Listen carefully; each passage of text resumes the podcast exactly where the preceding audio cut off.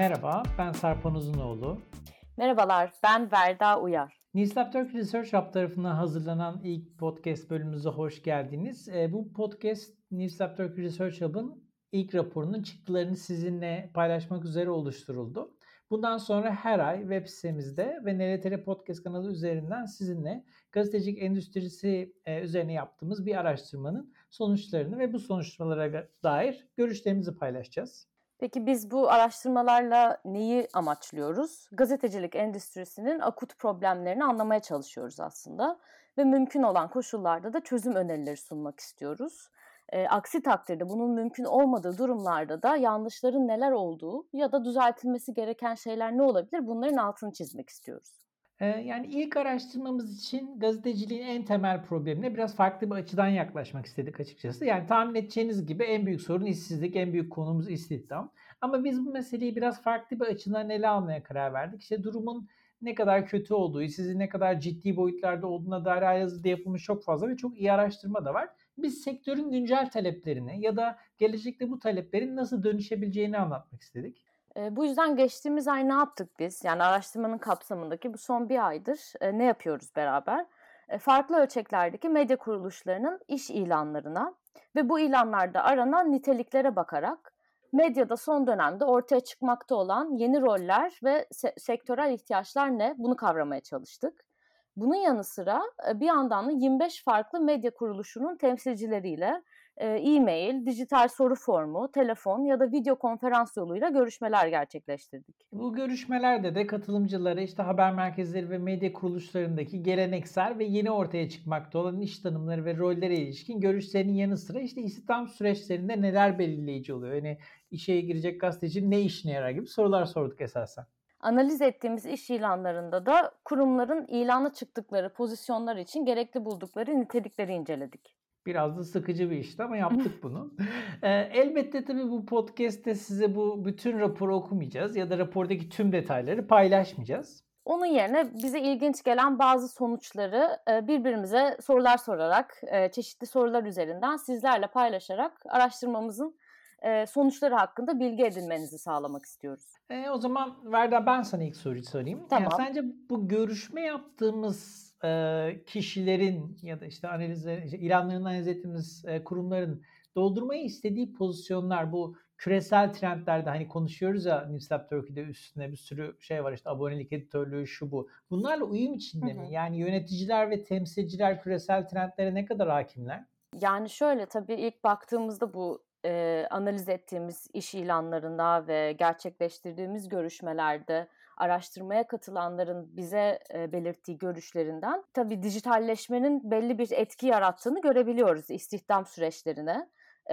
Yani bunun belirgin bir yansıması var. Bunu söyleyebiliriz. İşte mesela internet editörü, SEO editörü yani tam ne olduğunu ben hani kendim de editörlük geçmişim bir insan olmasına rağmen anlamasam da bu arama motoru e, optimizasyon editörü gibi yine editör başlığı altında toplanan ama daha çok işte dijital dinamiklere bağlı rollerin de sık sık zikredildiğini gördük. Ama tabii yine de e, yani güncel istihdam trendleriyle birebir uyuşuyor mu bunu söylemek güç bu noktada. Yani ben sana katılıyorum çünkü şimdi e, sürekli özellikle geçen sene biz 2020'de Newstab'in ana temasını sürdürülebilir gazetecilik olarak e, belirledik ve e, 2020-2021'de dünyada üstüne en çok konuşulan roller de gerçekten gelir elde etme odaklı rollerdi. Hatta işte e, sürdürülebilir gelir modeli olmayan haber odalarımızın bir şekilde hala üretime odaklanması, kitleyi anlamaya ve kitlenin parasını almaya odaklanmaması beni açıkçası şaşırttı ama tabii bu herkes için yani görüştüğümüz herkes için geçerli değil. Zira kitleyi tanıma ve gelir elde etme temelli işte etki izleme editörü, abonelik editörü, reklamcı vesaire gibi pozisyonlar yeni nesil haber odaları ve özellikle de doğrulama kuruluşları tarafından daha fazla benimsenmiş gibiydi. Yani sanki şey var orada değil mi? Daha çok bu geleneksel haber odalarıyla e, özdeşleşmiş pozisyon ve görev tanımları hala daha çok karşımıza çıkıyor gibi. Hani her ne kadar yeni roller de yaratılmış olsa da bu bahsettiğimiz dijital dönüşümle yine de o hani geleneksel haberciliğe yönelik e, tanımlar e, daha yaygındı gibi e, bir çıkarımım da oldu benim. Bir de genelde işe alım süreçlerini takip eden insan kaynakları departmanlarına ilgi düşük. Yani bu da çalışmamızın bulgularından biri. Ama çoğunlukla yine bu birimlerin kullandığı ilan siteleri kullanılıyor. Yani biz tabii bu ilanlara ulaşabilmek için hani farklı platformlara ve sitelere baktık. Bu siteler de genellikle insan kaynakları departmanları tarafından kullanılıyor. E, mesela bu iş ilan sitelerinde özellikle 50'den fazla çalışanı olan kurumların iş ilanı çıktığını görmek mümkün. Yani ne diyebiliyoruz? Hani e, kurumsallaşmasını tamamlamış, insan kaynağı bağlamındaki hani büyümesi artmış e, kurumlar daha çok e, bu tarz sitelere e, ilan verme eğilimi gösteriyor diyebiliyoruz bu sebeple. E, buna bağlı olarak da gazetecilerin iş ilan sitelerindeki ilanlara başvurması küçükten büyüğe değişen farklı kurumlarda iş bulma imkanı yaratabiliyor. E, hatta bir görüşmeci bu siteler yoluyla işe aldıkları iki çalışanlarından memnun olduğunu ve bu tarz işe alma yönteminin de fazlasıyla işlevli olabileceğini söylemişti. Peki sence mesela ideolojik yaklaşımlar ya da yayın politikaları e, bu noktada ne kadar önemli? Yani istihdam politikalarında ve istihdam süreçlerinde ne kadar belirleyici? Çünkü yani sen de biliyorsun sitelerde, ilanlarda sık sık işte yayın politikasına uyum, e, kurumun editoryal çizgisine bağlılık gibi ifadeler de vardı. Evet gerçekten de e, neredeyse e, ilanın çoğunda böyle bir şey vardı ve görüşmelerde de bu en çok önemli bulunan şeylerden biri. Sadece bir kişi hatırladığım kadarıyla e, bunun çok önemli olmadığını söyledi. Biz tabii insanlara yani görüşme yaptığımız insanlara ideolojik olarak sizle benzer bir yerde olması mı gerekir diye sormadık. Araştırmanın da e, tarafsızlığını zedelemek adına editoryal politika üzerinden sorduk bu soruyu. Çünkü bu kurumlar arasında kendilerini tarafsız, işte bir partizan vesaire gibi şekillerde tanımlayan kurumlar da vardı. Ama unutmamak gerekir ki kendini birer dava gazetesi olarak tanımlayan, manifestosunda taraf olduğunu açıkça belirten gazeteler de vardı.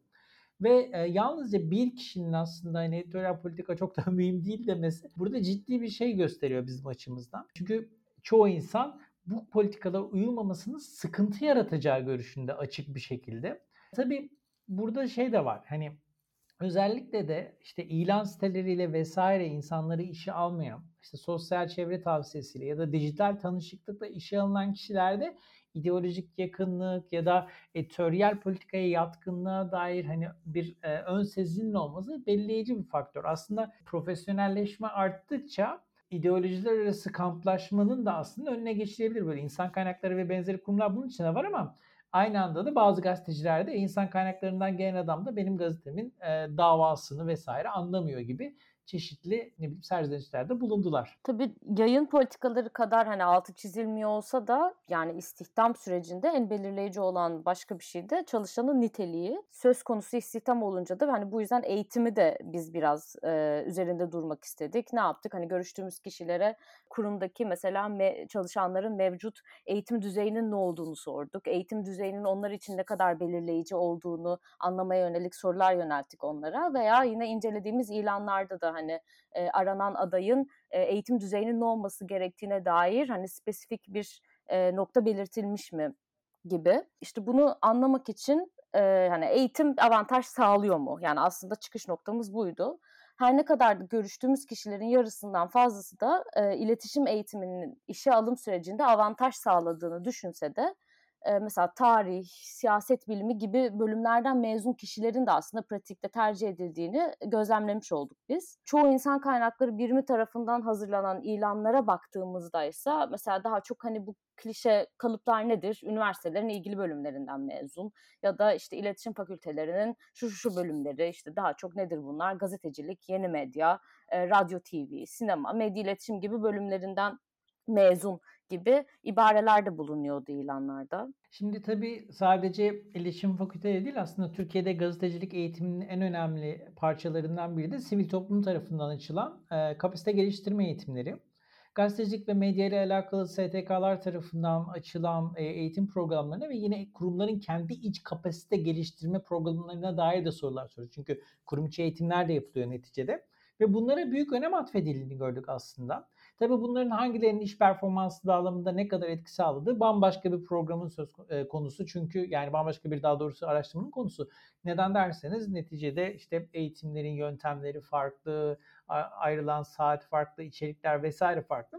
Ama total olarak bakıldığında görüşmeciler hem kurum içi hem de kurum dışı yapılan eğitimlerden verim alındığı görüşünde çoğunlukla. Tabii orada şey yani aslında zaten biliyoruz mesela bu mevcut iletişim fakültesi sayısı veya iletişim fakültesinde kayıtlı öğrenci sayısı üzerinden de bir tartışma dönüyor. Mesela bizim araştırmamızda görüş veren katılımcılardan biri yani kendisi bir kurumda e, genel yayın yönetmeni ama aynı zamanda bu e, örgün iletişim eğitimi ve onun içerisindeki müfredata dair de hani yakından takip eden birisi mesela e, şöyle bir eleştiri getirmişti. Hani şu an Türkçe bile yazmayı bilmiyorlar. Yani daha kendi dilini öğrenemiyor 4 senelik örgün eğitim içerisinde. Hani bu yüzden mesela eğitim de bir noktada yeterli kalmıyor gibi bir eleştiri getirmişti. Orada o yüzden aslında bu tartışma da çok önemli ve çok kıymetli diye düşünüyorum. Hani mesela dediğin gibi tabii ki sivil toplum ayağının da hani bu işe dahil olması önemli ama bir noktada demek ki örgün eğitimde bir şeyler ya eksik gidiyor ya da pratikte işlemiyor ya da yetersiz kalıyor hani sektörel ihtiyaçları karşılamada.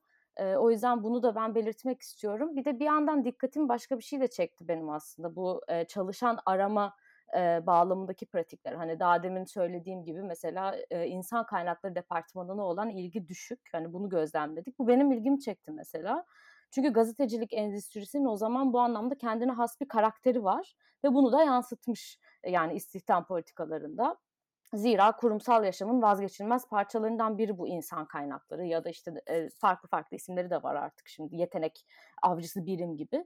Bunlar çoğu gazetede yok e, hatta bu birim medya endüstrisindeki profesyonellerin çoğunlukla yabancı oldukları yahut bazı katılımcılardan e, verdikleri cevaplardan anladığımız kadarıyla da karşılaştıklarında bu, bu birimlerle, bu departmanlarla genellikle kendilerinde hoş anılar da bırakmayan bir birim değil mi? Tabii yani e, aslında insan kaynakları yani küresel anlamda çok daha farklı algılanıyor. Kurumların ve kurumsallığın temelinde görünüyor. İşte iş modellerinin sürdürülebilirliği, kurumun kimliği, hatta kurum içerisindeki eşitlik politikalarının belirlenmesi gibi bağlamlarda çok büyük e, bir öneme sahip. E, ama tabii bizim gözlüğümüz gazeteciler çoğunlukla insan kaynaklarını gerekli bir departman olarak görmüyordu. Ama tabii ki haksızlık etmeyelim. Hepsi için bu durum böyle değildi. Mesela Medyaskop TV'den Sedat Pişirici gibi yöneticiler istihdam süreçlerinin regüle edilmesi için insan kaynaklarının şart olduğu e, görüşündelerdi. E, ama yine de işte görüşmecilerin yüzde sekseni insan kaynakları birimi çok da şart değil canım e, demiş oldu. Peki o zaman araştırma için bizi yola çıkaran sorunun yanıtıyla bitirelim. Bence e, birçok kişi de bunu duymak istiyordur. Ben de senden bunu duymak istiyorum. Sektör gazetecilerden ne istiyor? Oh zor soru. E, gazetecilik endüstrisi bir şekilde içinden geçtiği ekonomik, teknolojik ve politik krizi zaten olabilecek en derin şekilde yaşıyor ortaya çıkan bu güvencesiz çalışma ortamı da bir yandan gazeteciler için gazeteci bir yana kurtululması gereken bir alan haline getirirken mesleğini yapmak isteyenler için de ortaya yeni yeni zorluklar çıkıyor her gün açıkçası. Bu zorlukların bir kısmı mesleğin topyekun dönüşümü ya da dijitalleşme kaynaklı bireysel zorluklarken bir kısmı da kurumların bu sürece adapte olma sürecinde yaşadığı e, sıkıntılar ve karar vericilerin yani haber merkezlerindeki karar vericilerin dönüşüme tam olarak adapte olmamış olmasıyla ya da olamamış olmasıyla ilişkili. Yani görüşmeciler ve taradığımız ilanlar bize gazetelerin geçmişte 3-4 kişinin yaptığı işi tek başına yapabilecek. Bu sırada da dil kullanımından yayın politikasına kadar farklı farklı konularda ciddi yetenek setlerine sahip çalışanlar aradığını söylüyor. Yani bugün endüstri içerisinde çalışan herkes hem dili hem de popüler bazı teknik yazılımları iyi kullanan bir kişi, işe almanın, böyle birini bulmanın ne kadar zor olduğunu aslında bilir. Yani endüstri içerisinde olanlar. Ama gerçekten de iletişim fakültelerindeki eğitimin de bu iki alanla e, tamamıyla yeterli öğrenciler yetiştirdiğini söylemek güç. Yani dili çok iyi kullanan ve aynı zamanda işte çok iyi kurgu yapan öğrenci yetiştiren fakülte az. Ya da belki de yok gazetecilerin gözünde gördüğümüz kadarıyla. Ama yüksek öğrenim kurumları da total olarak baktığınızda programlar arasında büyük odak farklılıkları olduğundan gazeteci temsilcilerinde de gazetelerin temsilcilerinde de istihdam potansiyelini artırma bağlamında büyük bir güven yaratmış değil. Çünkü yani her üniversitenin her programı aynı kaliteyi vermiyor. İsmi aynı olsa da farklı şehirlerde hatta aynı şehirde bile çok büyük kalite farklılıkları yaşanabiliyor programlar arasında. Tabi buna bağlı olarak da gazetecilerden beklenen şey yani diplomasından ziyade teknik becerileri ve portfolyosunun iyi olması gibi göründü bize. Yani her iki alanda da iyiyseniz ve başvurduğunuz kurumun yayın politikalarıyla kökten bir çatışma içerisinde değilseniz işiniz aslında görece kolay gibi. Tabii neticede gazetecilik bir sektör ve her profesyonel iş kolu gibi gazetecilikte de yöneticiler bir bütçe etrafında hareket ediyor.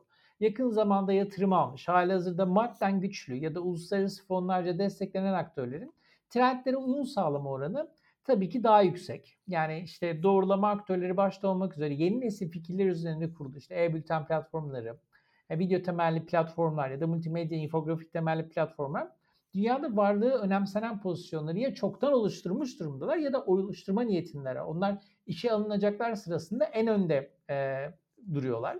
Yani görece büyük olan kurumlar da ortaya çıkmakta olan popüler roller konusunda çoğunlukla daha istekliler. Yani e, maddi güç beraberinde geleceğe dair bir sürdürülebilirlik e, vizyonu getiriyor ve buna bağlı olarak bazı pozisyonlara bir talep ortaya çıkarıyor. Ama yine de e, sektörün temel problemi burada da herkesin ağzına yansıyor. Gerekli kaynaklara sahip olursak neden olmasın? Yani e, belli bir para ve e, belli bir refaha ve belli bir insan kaynakları yönetimi konusunda e, özgürlüğe sahip olduğunda çoğu yönetici tabii ki bu yeni rolleri de gelecekte yer verebileceklerini söylüyorlar esasen. Bizi dinlediğiniz için teşekkür ediyoruz. Önümüzdeki ay başka bir konu ile yeni raporumuzun çıktılarıyla tekrar karşınızda olacağız.